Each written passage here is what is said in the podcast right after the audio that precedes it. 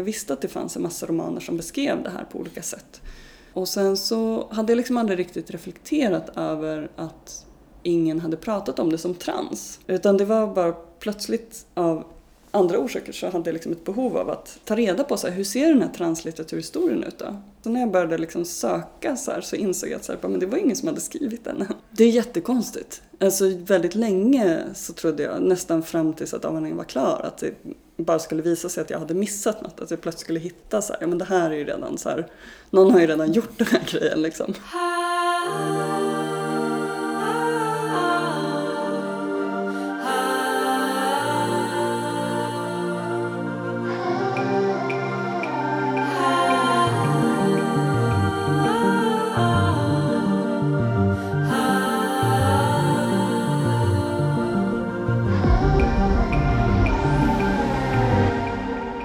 Heter Palme Lybrand och du lyssnar på Queer Story.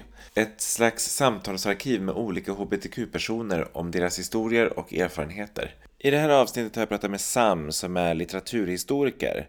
Hen har skrivit avhandlingen Transformationer som tittar närmare på 1800-talets svenska translitteratur. Spoiler alert, vi avslöjar slutet på alla de böcker som nämns i det här programmet. Eh, det kan ju vara bra att veta om så här i förväg. Det här är Queer Story med Sam Holmqvist.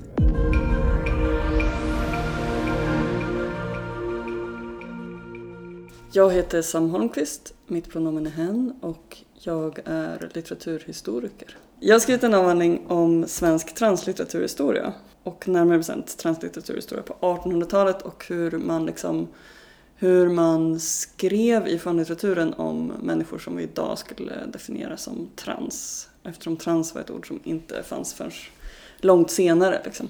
Men jag ville titta lite på hur, uh, hur man beskrev könsväxlingar och olika former av könsöverskridanden. Dels för att titta lite på så vad, om det fanns gestalter som vi liksom skulle kunna definiera som trans med på något sätt en nutida begreppsapparat. Men jag ville också titta lite på andra typer av så här könsväxlingar som vi kanske inte skulle kalla för trans nu, men som kanske däremot har haft att göra med liksom hur de så här skönlitterära motiven, könsöverskridanden och könsväxlingar har sett ut. Så jag ville hitta en väldigt bred liksom, definition av det jag då har kallat för trans eller att göra trans som jag pratat om i avhandlingen. Som mer blir ett slags verb av att, så här, att trans är någonting som gestalter i skönlitteraturen kan göra även om de inte skulle ha definierat sig själva som transpersoner om de hade varit verkliga personer och levt idag. Liksom. Uh, för att det blir en sån lång tankekedja. Liksom. Så att den här avhandlingen eh, tar, väl, tar upp tre liksom, huvudförfattarskap, eh, eller tre huvudböcker egentligen. Och försöker sen också prata lite allmänt om hur de här olika transmotiven har sett ut i 1800-talslitteraturen och då framförallt den svenska litteraturen. Vilka är de här tre? Det är först eh, Lasse-Majas självbiografi. Lasse-Maja som var en stortjuv som var jätte, jätte, jättekänd verkligen i Sverige. Framförallt på 1800-talet kanske, men under hela 1900-talet också. Fortfarande ganska känd, även om det börjar minska. Liksom. Men som var känd dels för att han var en stor tjuv och dels för att han omväxlande levde som man och som kvinna. Och han skrev en självbiografi som har varit väldigt, väldigt populär, väldigt läst i Sverige. Sen är det ett kapitel om eh, en roman som heter Drottningens juvelsmycke av Carl Jonas Lova Almqvist som är en sån här svensk klassiker liksom, som alla litteraturvetare älskar och som man alltid får läsa om man läser liksom, litteraturvetenskap A på universitetet. Och där huvudpersonen är då vad som i romanen kallas för en androgyn. Eh, så det är en gestalt som ingen vet om det är en flicka eller pojke och själv så verkar den liksom inte definiera sig riktigt som varken det ena eller det andra.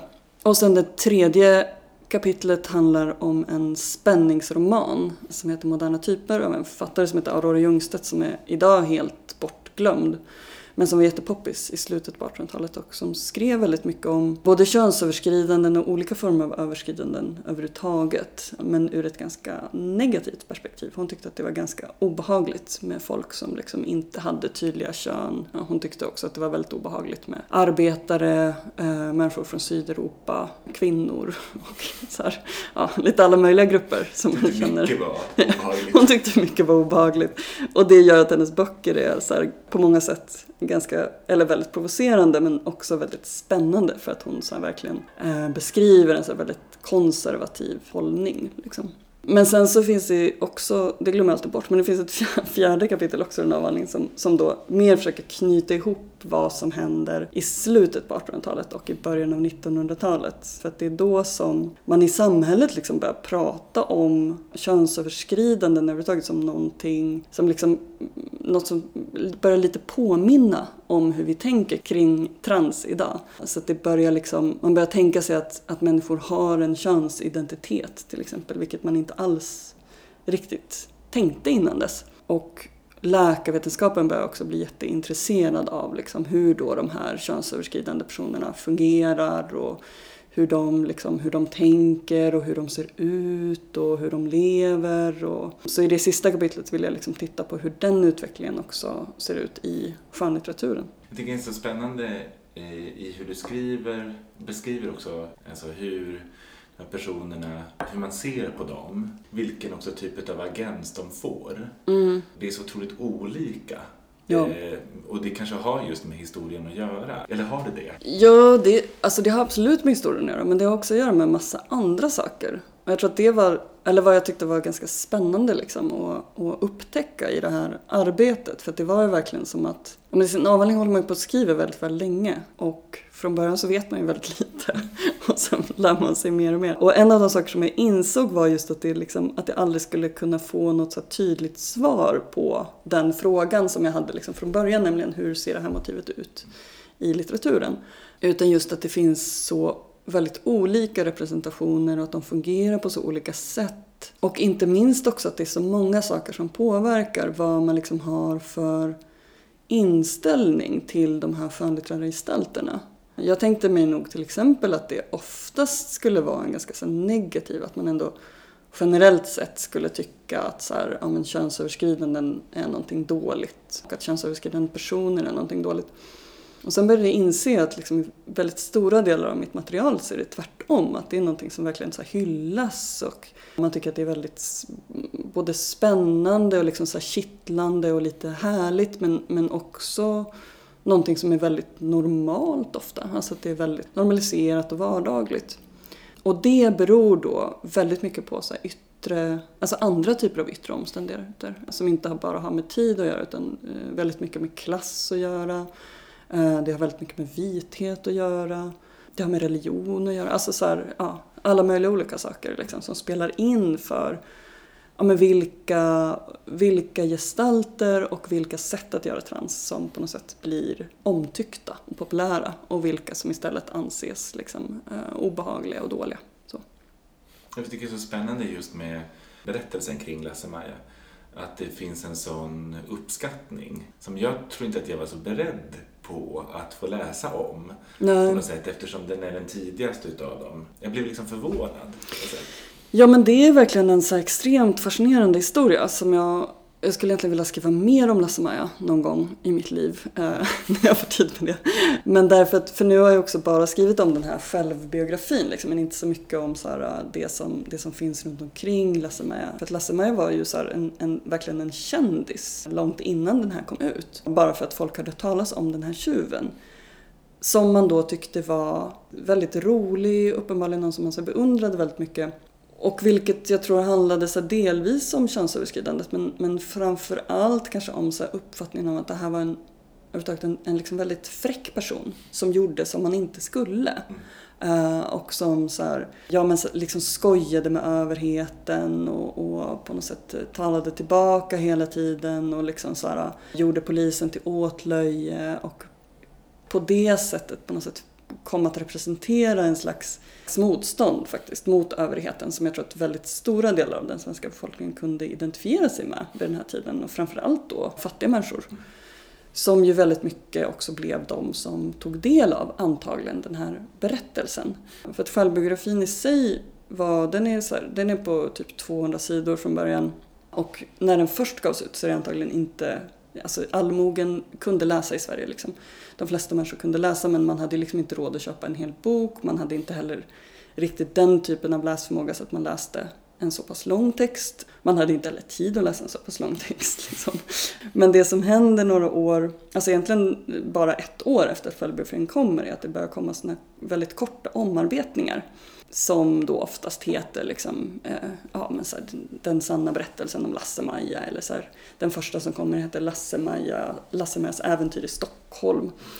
Men då, då är det fortfarande på samma, det, det bygger, det är som en sammanfattning av... Precis, då väljer man, man väljer liksom ut de, så här, de bästa anekdoterna ur boken. Och boken är väldigt anekdotisk överhuvudtaget. Den är liksom uppbyggd kring så olika roliga scener som är mer så staplade på varandra. Så att i de här små berättelserna, ja men då väljer man ut det bästa så det blir en slags förkortning. Och det gör då att den blir ett helt annat, mycket mer lätthanterligt format och de har sålts väldigt billigt och det har kommit ut liksom hur många utgåvor som helst av de här.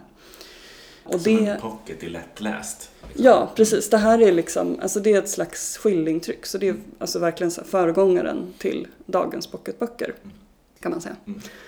Och det här gör ju liksom att Lasse-Majas liv blir ju känt över hela Sverige på ett sätt som är liksom svårt egentligen att riktigt förstå idag tror jag. Och det är svårt att riktigt förstå också så här, vad den här otroliga populariteten består av. Men på något sätt så lyckas liksom Lasse-Maja förmedla känslan av att ha levt ett liv utanför liksom, de gränser som gäller för vanliga människor. Och har liksom så bara överskridit allting. Och i det så ingår då såklart att överskrida gränserna för kön men också inte minst att överskrida gränserna för klass och för sexualitet. Att det finns liksom väldigt mycket där som, som då helt enkelt majoriteten av befolkningen antagligen har tyckt var väldigt kul. Mm. Liksom. Mm. Det är så spännande tycker jag just med tanke på det att, sådär, att på något sätt att det är en fri värld på något sätt ur mm. Lasse-Majas perspektiv och att man tar till sig det. Mm. Att man tycker att, här, att det är fantastiskt. För mm. senare så kommer det kanske inte riktigt vara så. Som på 1900-talet. Nej, och det som jag tycker, eller en av de saker som jag också tycker är fascinerande med just Lasse-Maja, det är ju att under den tiden som den här livsberättelsen är populär, det är så pass lång tid liksom. För de här, de här kortare berättelserna, liksom, de kommer ut under en bit in på 1900-talet. Och sen fortsätter man också ut den här självbiografin. Eh, den kom senaste gången tror jag förra året. Mm-hmm. Så att den har liksom kommit med så här jämna mellanrum hela, hela tiden. Så det är någonting som fortsätter liksom fascinera och samtidigt så förändras också på något sätt den offentliga bilden av Lasse-Maja eh, förändras ganska mycket. Framförallt under 1900-talet. Och det som händer då det är ju just att Lasse-Maja blir eller som jag tycker i alla fall, så blir Lasse-Maja lite tråkigare liksom. Mm. När man börjar berätta om Lasse-Maja så fortsätter det liksom vara den här, så här på ett sätt överskridande liksom, personen men, men det blir samtidigt väldigt mycket mer av en cisman som man istället berättar fortfarande om kvinnokläderna men där kvinnokläderna de är liksom, blir plötsligt så här, någonting som Lasse-Maja bara så klädde ut sig i för att komma undan polisen och det här är fortfarande skulle jag säga den vanligaste liksom, bilden av, av Lasse-Maja. Det eh. lite Jönssonligan-stämning. Precis, uh, väldigt mycket Jönssonligan-stämning. Och det är inte alls vad som förmedlas i självbiografin utan där är det mycket mer så att, jag att Lasse-Maja lever som kvinna i långa perioder liksom, och utan att det finns någon som helst alltså, yttre anledning till det utan bara för att så här, nej, men jag trivdes bäst på det här sättet. Mm. Jag tyckte bättre om att arbeta som kvinna. Liksom. Uh, det passade mig bra. typ så. Ja, men I och med att Lasse-Majas Lasse som offentlig person har funnits så pass länge i det på något sätt, om man kan säga, så svenska folkmedvetandet, mm. så har den här bilden förändrats så himla mycket. Och det är väldigt spännande i sig, mm. tycker jag. Jag tänker också, eh, för jag såg att det hade gjorts någon film på 40-talet också. Mm. När jag läste om den, att det verkade verkligen vara liksom cisman som, att det handlade om honom bara och mm. inte liksom så mycket om det som jag upplevde beskrevs i, i din bok, eller i, i din avhandling?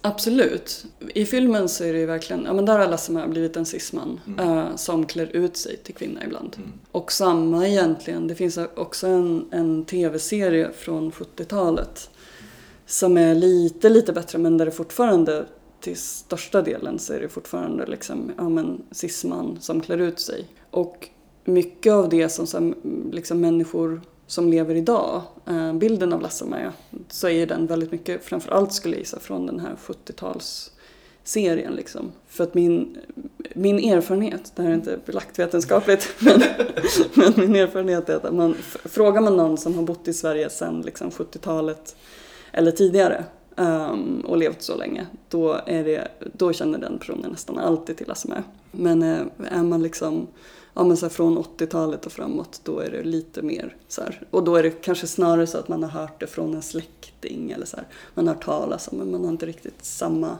egna bild liksom. Eh, när jag försökte skaffa mig en egen bild. Mm. det var ju också som att det alltid gått upp den här Lasse-Majas detektivbyrå som mm. du är. Men det är ju inte någonting med det här att göra. Nej, eh, det sägs. Alltså jag tror att så här, författare författaren har sagt i någon intervju någon gång tror jag, att namnet liksom är inspirerat av Lasse-Maja. Uh, men uh, nej, det har ju verkligen ingenting med Lasse-Maja att göra. Och där är ju också, där är ju liksom ett par, alltså en pojke och en flicka som heter mm. Lasse och Maja. Så att, och som dessutom är detektiver, vilket ju Lasse-Maja aldrig skulle ha varit. Liksom.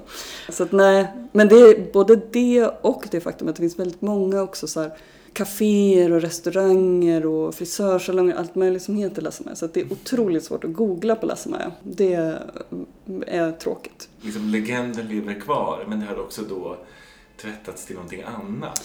Precis, legenden lever kvar men i så pass hög grad så att man får fram liksom lite vad som helst mm. på något sätt. Ja, det, är, det är på ett sätt väldigt tråkigt men det är också väldigt fascinerande kan jag tycka. Att så här, den här liksom småtjuven som levde som både man och kvinna helt öppet liksom, har så blivit så stor i svensk offentlighet så att den liksom har fått ge namn till allt möjligt. Mm. Utan att någon tycker att det är det minsta liksom, konstigt eller så provocerande eller någonting. Liksom. Mm. Ja men Lasse-Maja är en favoritfigur. Mm. Och hur är det med de andra, liksom, din relation till dem? Känner du till liksom, de här historierna innan du började gräva i dem? Mm, det gjorde jag faktiskt. Alltså, när jag började med det här projektet så tänkte jag ju, alltså allra först så hade jag någon så här helt vansinnig idé liksom, om att jag helt skulle kunna kartlägga liksom, transmotivet i svensk skönlitteratur under hela 1800-talet. Som väldigt många som börjar skriva en användning har. Så här, tänker att man ska göra otroligt mycket. Men det gick ju inte. Men däremot så jag har ju liksom plöjt oerhört mycket litteratur under den här tiden. Dels bara läst på måfå. Och dels här, ja, men försökt liksom göra olika sökningar i databaser och i så här, gamla tidskrifter och allt möjligt för att försöka hitta liksom, motivet. Och det dyker ju upp liksom, lite överallt. Men de här tre, på något sätt, de tre huvudtexterna de kände jag faktiskt till. Lasse-Maja var självskriven från början. Dels för att det har varit en så viktig text i svensk litteratur, just för att den har varit så himla läst. Men också för att det är en självbiografi. Och det finns, det finns överhuvudtaget oerhört få självbiografiska transberättelser från innan 1900-talet. Så den är ganska eh, ovanlig på det sättet. Så det var en viktig anledning till att ta med den. Den här Almqvists Drottningens juvelesmycke, den försökte jag ganska länge undvika faktiskt. För mm. att den har varit så populär hos litteraturvetare. Så det finns väldigt, väldigt många analyser av den. Så jag kände lite att jag på något sätt inte jag ville liksom inte göra en till. Jag kände att så här, världen har fått nog av Drottningens juvelesmycke-analyser. Vi behöver liksom inte belasta så här, de stackars studenterna med så här, ytterligare någon som ska komma och ge sitt perspektiv. Liksom. Men sen insåg jag ändå efter ett tag, dels att det var svårt att undkomma den. Mm. För att så fort jag sa liksom, på, på jobbet någonstans vad jag höll på med för projekt så sa alla Drottningens juvelesmycke. Uh, men, men också att jag faktiskt tyckte att det saknades någonting när jag började läsa den ordentligt igen uh, och fundera liksom, på transperspektivet i den så tyckte jag ändå att så här, ja, men det, trots liksom alla dessa en miljard analyserna så är det fortfarande ingen som har pratat riktigt om det faktum att huvudpersonen är en transgestalt. Det i sig är jättemärkligt. Ja, det är otroligt konstigt. Och det var lite där som på något sätt min analys började. Liksom, att så här, ja men okej, då måste vi faktiskt Ja, men jag ville ta reda på dels vad som, ja men okej, vad händer då om vi, om vi utgår från att det är en transgestalt. Eh, men jag ville också fundera lite på vad de, alla de här andra forskarna, hur det kom sig. Alltså så här, hur kommer det sig att, att liksom man så unisont, eller liksom att verkligen alla är helt bestämda på att så här, men det här är en flicka eh, som ibland har pojkkläder på sig. Och man bara, men så här, var, varför då? Liksom? Så här, vad, var, så här, hur, hur gick det här till? Så jag var lite intresserad av den frågan.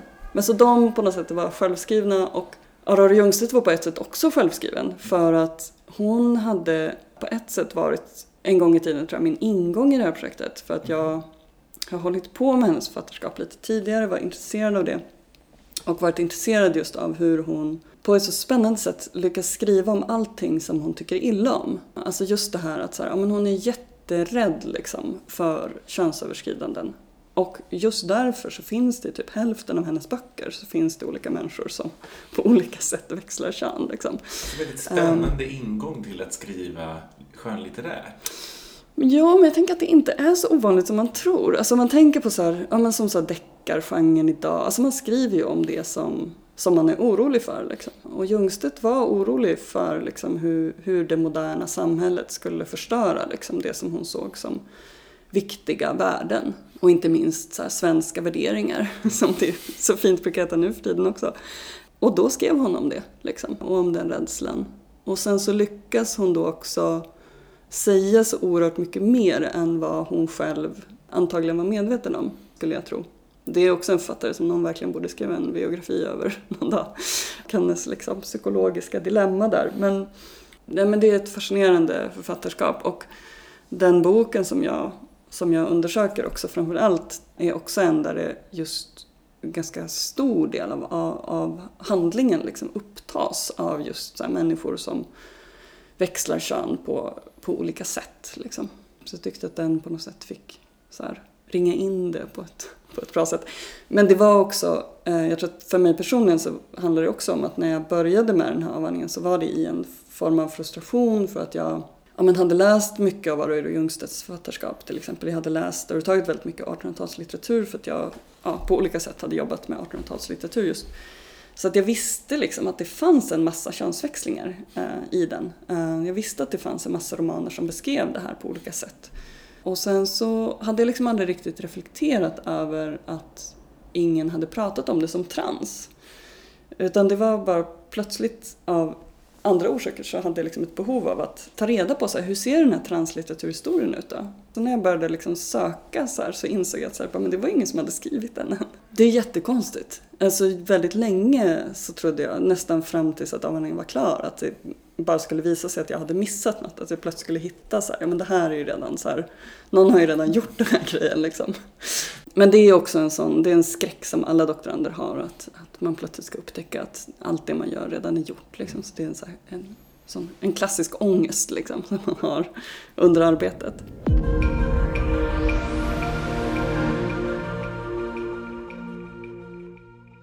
På institutionen och liksom bland dina kollegor, när du kläckte idén, hur har samtalen gått där? Men när jag kläckte idén så var, alltså då var jag inte en del av en institution överhuvudtaget. För att jag hade jag pluggade litteraturvetenskap och sen så började jag jobba. Så jag jobbade i eh, ganska många år. Liksom. Eh, och sen så kom jag på att jag kanske skulle bli doktorand. Mm. Typ när jag fick den här idén. Liksom. Och då, alltså när man sök, ansöker om en doktorandtjänst, liksom, då, det är en hel ansökningsprocess. Och då beskriver man sitt projekt ganska nära. Så att det var mer att jag, jag skrev en sån ansökan som de då tyckte var liksom att så här, men det här verkar ju kul. Typ. Mm. Så det har ju varit, det har varit en positiv upplevelse på det sättet ändå, så här, hela tiden av att så här, jag har känt att det har varit ett projekt som, som har gillats och jag tror att det också delvis handlar om att det på många sätt så är mitt projekt väldigt klassiskt litteraturhistoriskt. Liksom. Eh, att det är så här, ja men jag ska liksom så här, läsa gamla böcker, göra en ny tolkning av dem, sätta in dem i ett historiskt sammanhang. Liksom, så här, det är liksom väldigt så okontroversiellt. Utan det enda som liksom på något sätt är nytt i det här är perspektivet och på något sätt de så teoretiska perspektiven och liksom de eh, ja, men tankemässiga perspektiven. Så det har liksom inte varit, det har verkligen inte varit ett kontroversiellt projekt. Däremot så tror jag att det är många som har tyckt att det har varit oviktigt. Ja, men lite som alltid den här typen av liksom, eh, saker som kallas minoritetsperspektiv eller liksom så här, identitetspolitik eller liksom att så, här, så att jag har fått ganska mycket sådana kommentarer av att så här, men det här är ju eh, det här är ju någonting väldigt personligt, alltså som någonting så här negativt. Att så här, ja, men eftersom, liksom så här, eftersom det här kan ses som ett identitetspolitiskt projekt så är det liksom inte intressant på riktigt. Eller så, och det gör också att det kommer liksom kommer bli omodernt. Så här, det här är en avhandling som inte kommer kunna läsas om tio år för då kommer det liksom allt vara föråldrat redan. Och det kanske är sant, jag vet inte. Den har ju bara funnits i ett år. Så, att, så kanske det blir också. Det återstår att ja. se. Men Precis. Det ehm. finns väl ganska många avhandlingar som har kortare livstid än tio år också, tänker jag. Jo, fast jag tänker att det finns ju en sån föreställning överhuvudtaget om att så, saker som är på något sätt som man uppfattar som nya Eh, är någonting som också kommer försvinna. Till skillnad från det som man uppfattar som någonting som är på något sätt gammalt och traditionellt. Att det kommer ju alltid finnas kvar. Mm.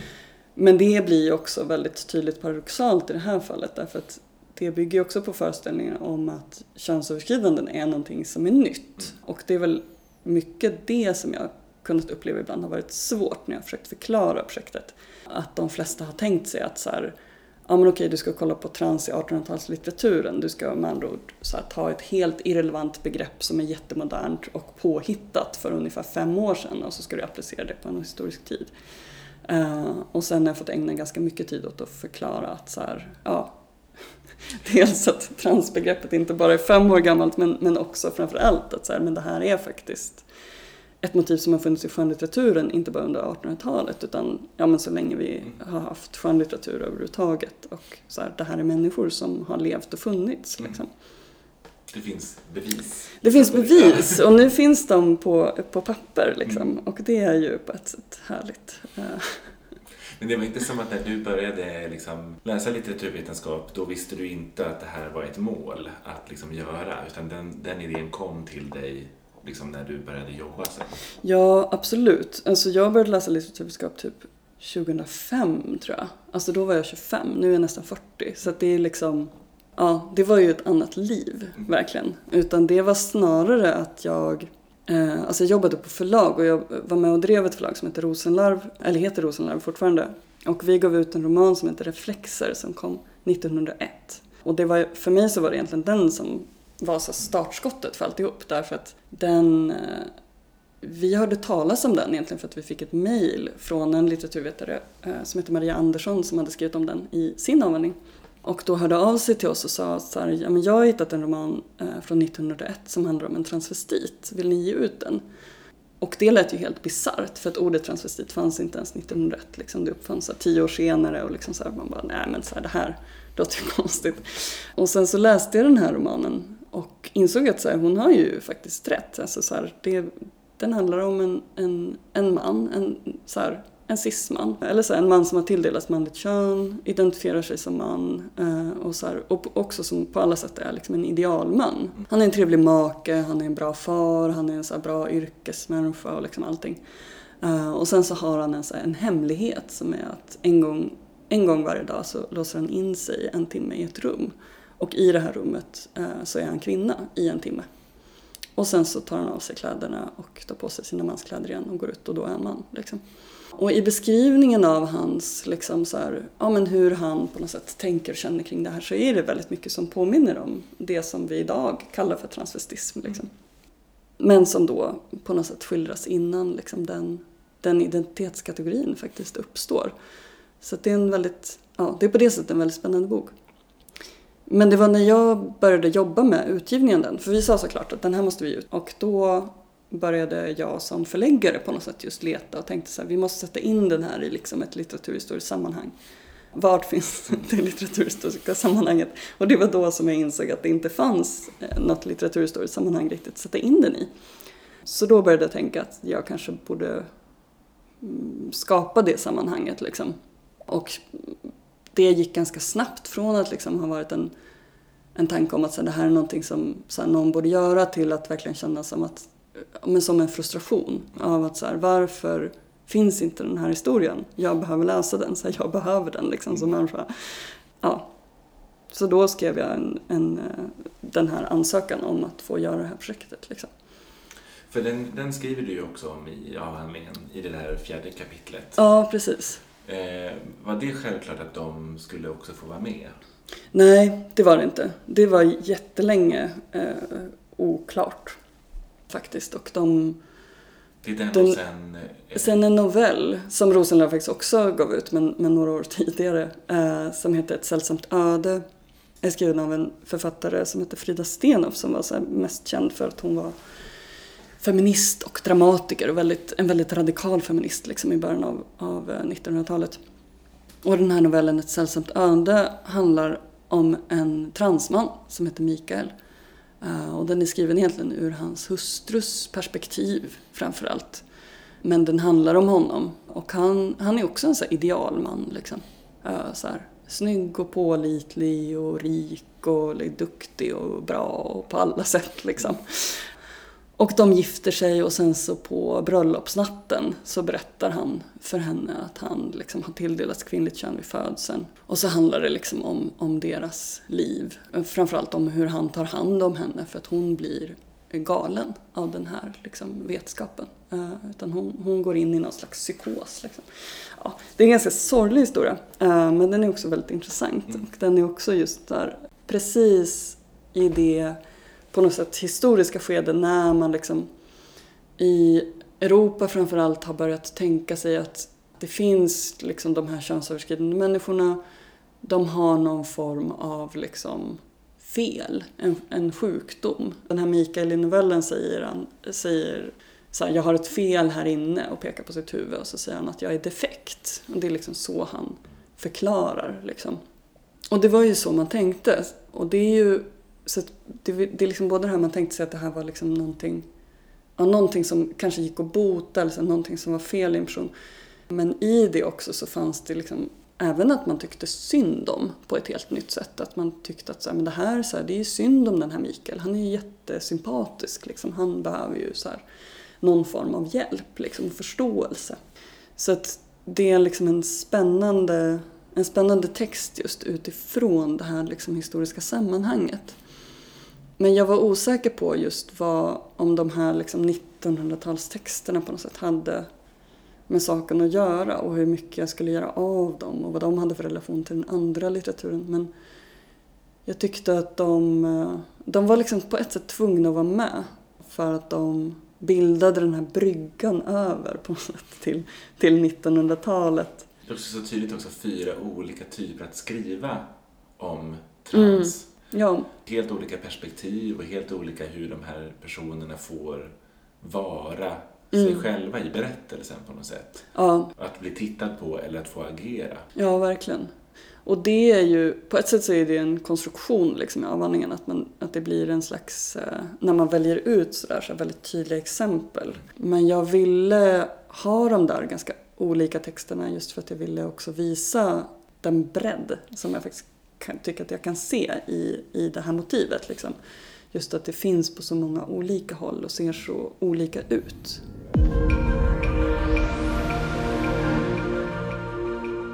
Det känns, det känns också som att de då två senare eh, berättelserna på 1900-talet att de påminner också väldigt mycket om hur man på film har gestaltat liksom, hbtq-historier. Eh, kanske inte, nu på senare år så har man ju liksom varit bättre på att kanske att huvudpersonen inte behöver dö i slutet eller liksom behöver straffas på något sätt. Men att det på något sätt, en, jag blir nästan lite sorgsen över att liksom narrativet kring eh, människor som bryter mot normen behöver liksom, det är ju gammalt på något sätt. Det är bara mm. att prata om det. Jag vet inte, det grep tag i mig så himla mycket att läsa och speciellt om, om Walter då i Reflexer. Eh, Fast för honom går det ju ganska bra. Skulle jag. Det är min tolkning i alla fall. jag, jag är för att han gifter om sig sen. Precis, han gifter om sig. Alltså hans, hans, hans första fru, eh, han kommer liksom ut ofrivilligt först för den första frun. Eh, som då är en ganska dålig kvinna och som blir väldigt arg och som skäller ut honom efter noter. Och det är en jättehemsk scen. Men sen så får, får han liksom förklara sig. Det finns med ett brev så här, från honom till henne där han verkligen så beskriver så här, sina känslor och han beskriver säger också att så här, det här är inte någonting som har skadat dig. Så här. Eh, Och så här, många män är ju liksom så de är alkoholister och de slår sina fruar. Så och det, det hade du accepterat. Men det här däremot, så som inte gör dig någonting ont, liksom, det går inte. Så att han har en, så här, ett försvarstal liksom. Som också, i och med att det sker i brevform så blir det också så att hon får ju aldrig svara. Liksom. Nej, Utan det. han tar liksom på det sättet makten liksom, över så här, historien. Och sen så skiljer de sig och så här, ja, det går några år och så i slutscenen så ligger han visserligen på sjukhus men det är på grund av någon slags utarbetning eh, eller så här utmattningssyndrom som vi skulle säga idag. Eh, som också är för att han är en så himla bra person så att han jobbar ju väldigt hårt liksom.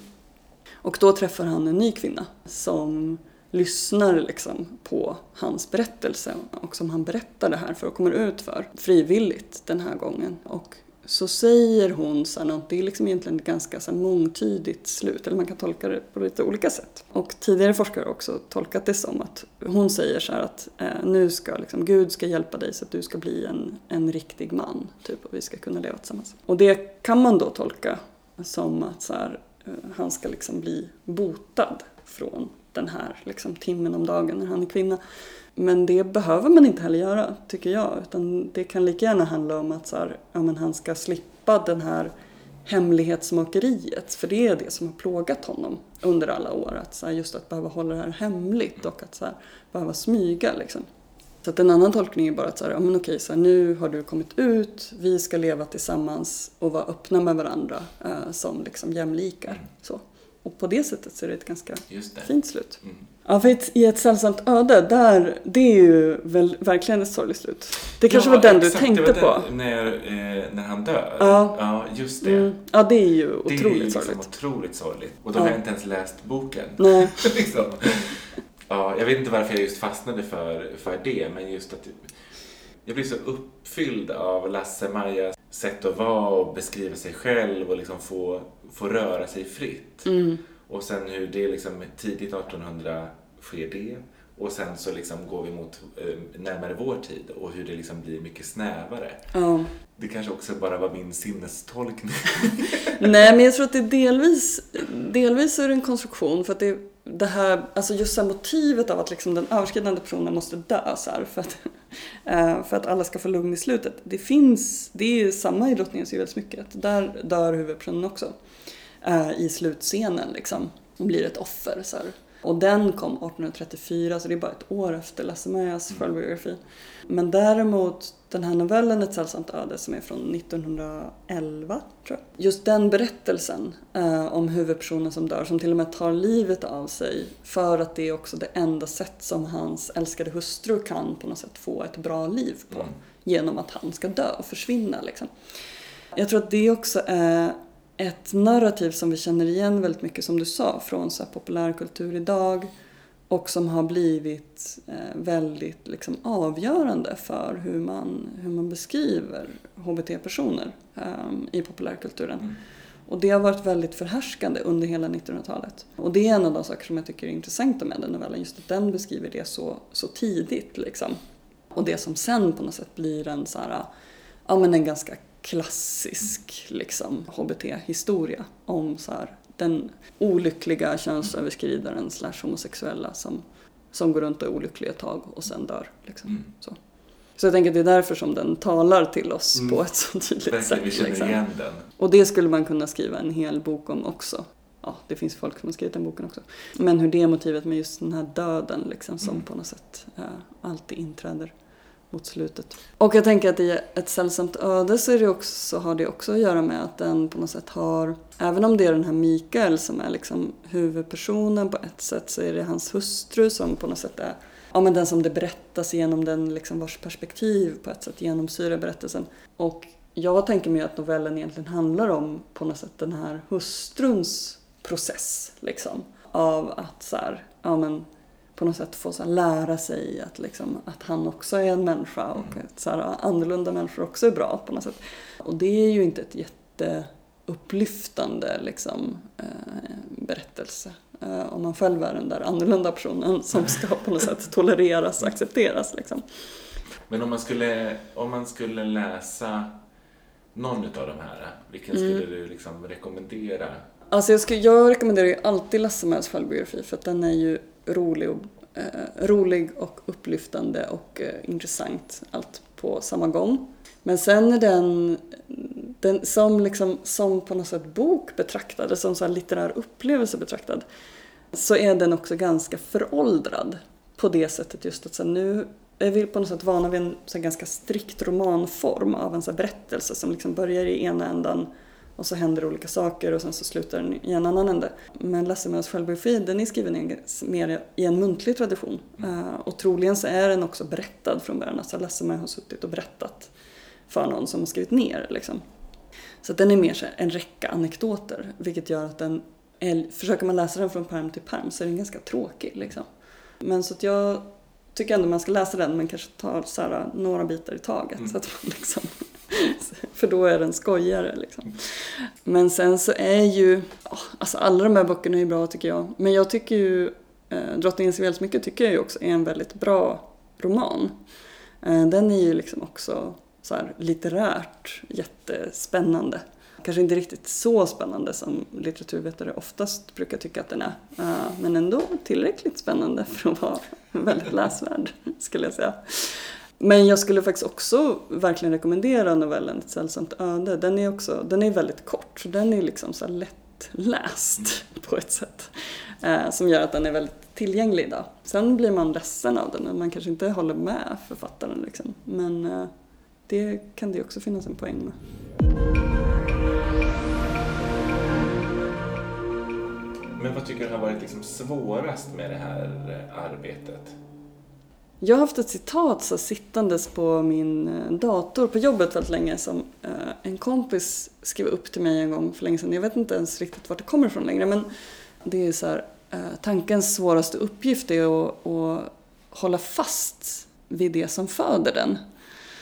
Och jag tror att det är väldigt lätt när man håller på med ett projekt, särskilt ett så här liksom långt projekt, alltså som man håller på med så många år, att man, så här, man glömmer liksom bort var man började någonstans.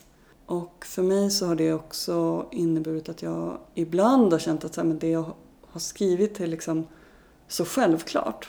Och så glömmer man lite bort att när jag började så var det inte alls så självklart för att det, då visste jag ingenting. Men man liksom, hela tiden så går man vidare i tanken på något sätt. Det är som att det finns någon slags eh, mekanism i intellektet som, som hela tiden vill smita, liksom, vill smita bort från så den på något sätt sårighet som från början har gjort att man tyckte att det här var intressant. Mm. Liksom. Så det tror jag har varit ja, men någonting som jag har så behövt påminna mig själv om ibland. Att det faktiskt finns någonting viktigt också. För det är också en sån där sak som som man som akademiker ofta råkar ut för. Att man är oftast ganska ensam, liksom. man sitter och forskar och efter ett tag så börjar man tänka att det man gör är ganska eh, både ointressant men också oviktigt. Och mm. liksom att så här, vad spelar det för roll att jag sitter här och så här, skriver den här historien liksom. Så det har varit svårt. Och sen har det varit svårt att, att hålla ut på något sätt och så här, hålla, hålla allting i huvudet, eller hålla alla trådar i huvudet, försöka reda ut trådarna och försöka också att inte förenkla dem för mycket. Liksom. För det är också en sån där, någon slags sån intellektets lathet på något sätt som hela tiden vill så att man bara, ja men nu har jag hittat den här boken, nu tycker jag att det här var min, liksom den, min ursprungliga känsla för den, då kör jag på den och så renodlar man liksom den känslan tills man glömmer bort allting som var så komplicerat och komplext och konstigt i det där. Så jag har jobbat jättemycket med att försöka acceptera också hur spretigt det har blivit och hur motsägelsefullt det har blivit. För att ja, det blir ju mer, det blir mer svårläst och mer svårförstått liksom, när det är spretigt och motsägelsefullt. Men, men eh, det, verkligheten är ju väldigt spretig och motsägelsefull och så även skönlitteraturen. Liksom.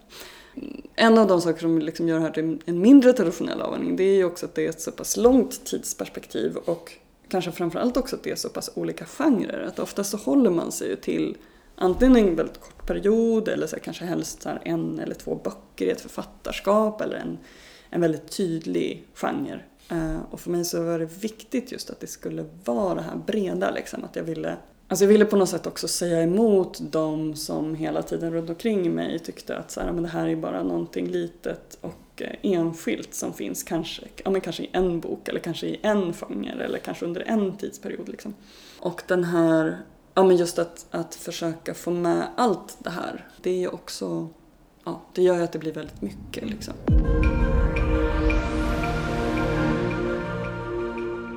Jag tänkte fråga dig eh, om du har något nytt forskningsprojekt på gång? Vad händer härnäst? Jag ska precis påbörja ett forskningsprojekt så det är fortfarande väldigt, eh, väldigt oklart faktiskt vad, det, vad som kommer bli av det.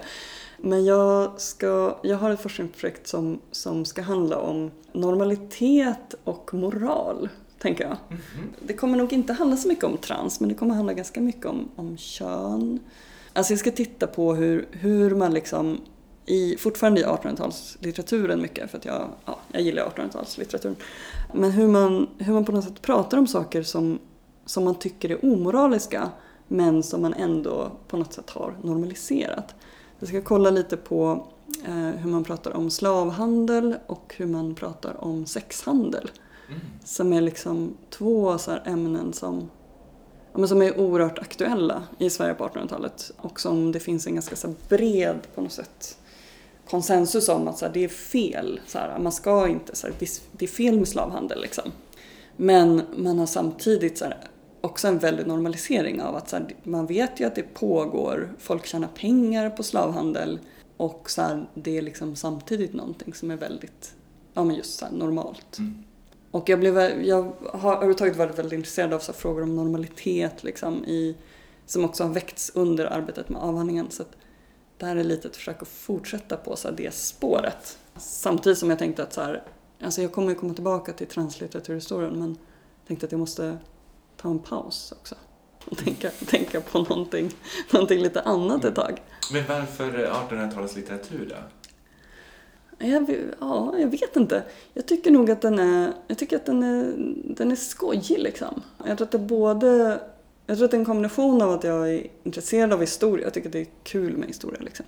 Och 1800-talet är på något sätt både så pass långt bort så att det ofta är helt absurt, alltså att man på något sätt tänker på ett helt annat sätt. Eh, och att vi också inte vet riktigt. Alltså, vi vet jättelite om hur folk tänkte kring kön egentligen. Trots att vi har en massa källor. Liksom.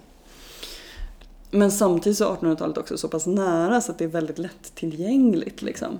Både så materialmässigt, alltså att så här, ja men det finns, finns hur mycket skönlitteratur som helst till exempel. Den är lätt att läsa, den är lätt att få tag på, den är ofta rolig att läsa. Liksom. Så det är lite lathet också på något sätt. Att det, Nej, men jag tror att jag gillar att det är, liksom, det är både nära och långt borta. Mm. Så det, det, är det här perfekta liksom, skiftet. Plus att det händer väldigt mycket i 1800, under 1800-talet i Sverige. Alltså det är så här, verkligen en period när här, Sverige blir en, en helt annan plats att bo på. Liksom. Ja men det är också för att vi har på något sätt den här, alltså att, att vi delar upp Liksom. Vi har en sån tydlig så bild i huvudet av att man också så här, man pratar om 1700-tal här och 1800-tal här. Och det var som att så här, det var så skrämmande långt in i liksom, arbetet med mitt Lasse kapitel som jag plötsligt så här, bara, fast vänta nu, så här, jag tänker hela tiden på det här som 1800-tals 1800-talsforskning för att boken kom 1833 men Lasse-Maja föddes ju 1785 liksom. Alltså så här, det är ju, liven är ju liksom inte uppdelade kring så här, äh, årsskiften liksom. Så. Men jag tror att det är det jag också tycker att det är som är roligt med litteraturhistoria. Det är ju att skönlitteraturen på något sätt också så övergår alla sådana gränser. Dels att man skriver om kanske en tid som är så innan ens egen men, men också att, att det, liksom, det är på något sätt en sak när, när en bok skrivs och sen blir den läst i en helt annan tid och sen så blir den läst igen i ytterligare en annan tid. Det är liksom så, så många skikt av historia och berättande som, som på något sätt eh, förs samman liksom, eh, och som hamnar i de där små romanerna. Liksom. Och det gör att det blir ganska spännande tycker jag. För att man också kan, man kan göra så mycket med det. Mm. Och man kan läsa lite som man vill. Liksom. Jag tror att det var också någonting som jag upptäckte under det här arbetet. Att jag ändå tyckte att det var så spännande att få tänka att man läser om saker. Ja, men en, en bok kan liksom betyda en sak eh, när den skrivs. Och sen så kan man läsa den antingen hundra år senare eller ett år senare. Och få ut helt andra saker. Och det tror jag också så att ja, men skulle man verkligen börja skriva translitteraturhistoria så skulle man titta på både, både de motiv som på något sätt syns i texterna men också hur, hur har människor läst trans utifrån liksom, litteratur och hur har liksom, böcker talat till människor och människor talat till böcker och så. Här. Så det där är också ett här, samspel som jag tycker är väldigt spännande. Mm. Jag ställer den här frågan som vi pratade om, ja. om det här med gestalta en scen. För jag tänker mm. att den, jag ställer den till alla. Just för att den också vidgar lite idén om våra historier, om oss själva men också om hur man ser på oss. Sådär. Om du skulle få välja helt fritt i ditt liv, finns det någon liksom, sekvens eller någon del eller liksom, något ögonblick som du skulle liksom, vilja se gestaltat på något sätt? Nej, jag skulle väl egentligen, eller jag är inte så himla intresserad av att se kanske mitt liv gestaltat ens scenvis tror jag. Uh, jag tycker nog inte att det vore så himla intressant. Men, men jag kom i och för sig på också en sak som jag skulle vilja se. Och det så här, jag skulle vilja se så här, liksom Lasse-Maja, återuppstånden från de döda. Så här, jag skulle vilja se så här, bara hålla upp min avhandling och så här gapskratta åt så här absurditeten i att liksom hennes liv har så hamnat i en akademisk avhandling. Det tror jag att hen skulle tycka var eh, otroligt löjeväckande. Uh, det tycker jag vore lite roligt. Men, Varför då, uh, tror du? Dels för att jag har väldigt svårt att tänka mig att hen tänkte sig att den skulle liksom leva så länge. Men också att den skulle bli tagen på så stort allvar. Liksom. Också i den på något sätt så här, ja men ändå så fin, vad säger man på något sätt, så här, liksom intellektuella kontext av så en så doktorsavhandling. Det är något så här tjusigt liksom. Uh, som var så otroligt långt från Lasse-Majas vardag liksom. Men jag skulle nog, överhuvudtaget skulle jag mycket hellre vilja se så här, de, uh, de böcker som jag skriver om, jag ser gestaltade mycket mer än mig själv. Liksom. Vad skulle du eh, fråga Lasse-Maja? Jag skulle fråga hur det kändes. Alltså jag skulle vilja, ja, jag skulle vilja så här, Dels så skulle jag bara be henne berätta, för att han var uppenbarligen en väldigt bra berättare så jag tror att det skulle vara, det skulle vara kul. Liksom. Uh, men sen skulle jag också vilja så här, bara försöka så här, få henne att gå ner på djupet för det är väldigt, liksom, hela tiden otroligt så här, lustigt berättat och glatt och skämtsamt. Och, liksom, och jag skulle vilja så försöka peta i, peta i, i smärtan uh, och säga så här, men det, det måste ju också ha varit lite jobbigt där, den där sekvensen när du liksom så här, så här, går genom skogen natt efter natt i snön och barfota och inte har något att äta. Och, liksom, och hur, hur tänkte du då? Liksom? Ja, det skulle jag vilja fråga. Tack snälla du för att jag har fått eh, prata med dig. Tack så mycket för att jag fick prata.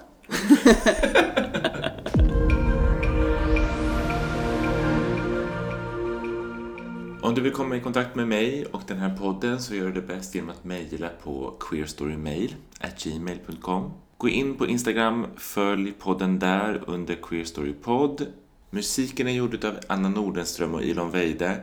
Grafiken av Michelle Hammerfelt. Jag heter Palme Rydbrand. Stort tack för att ni har lyssnat. Tack!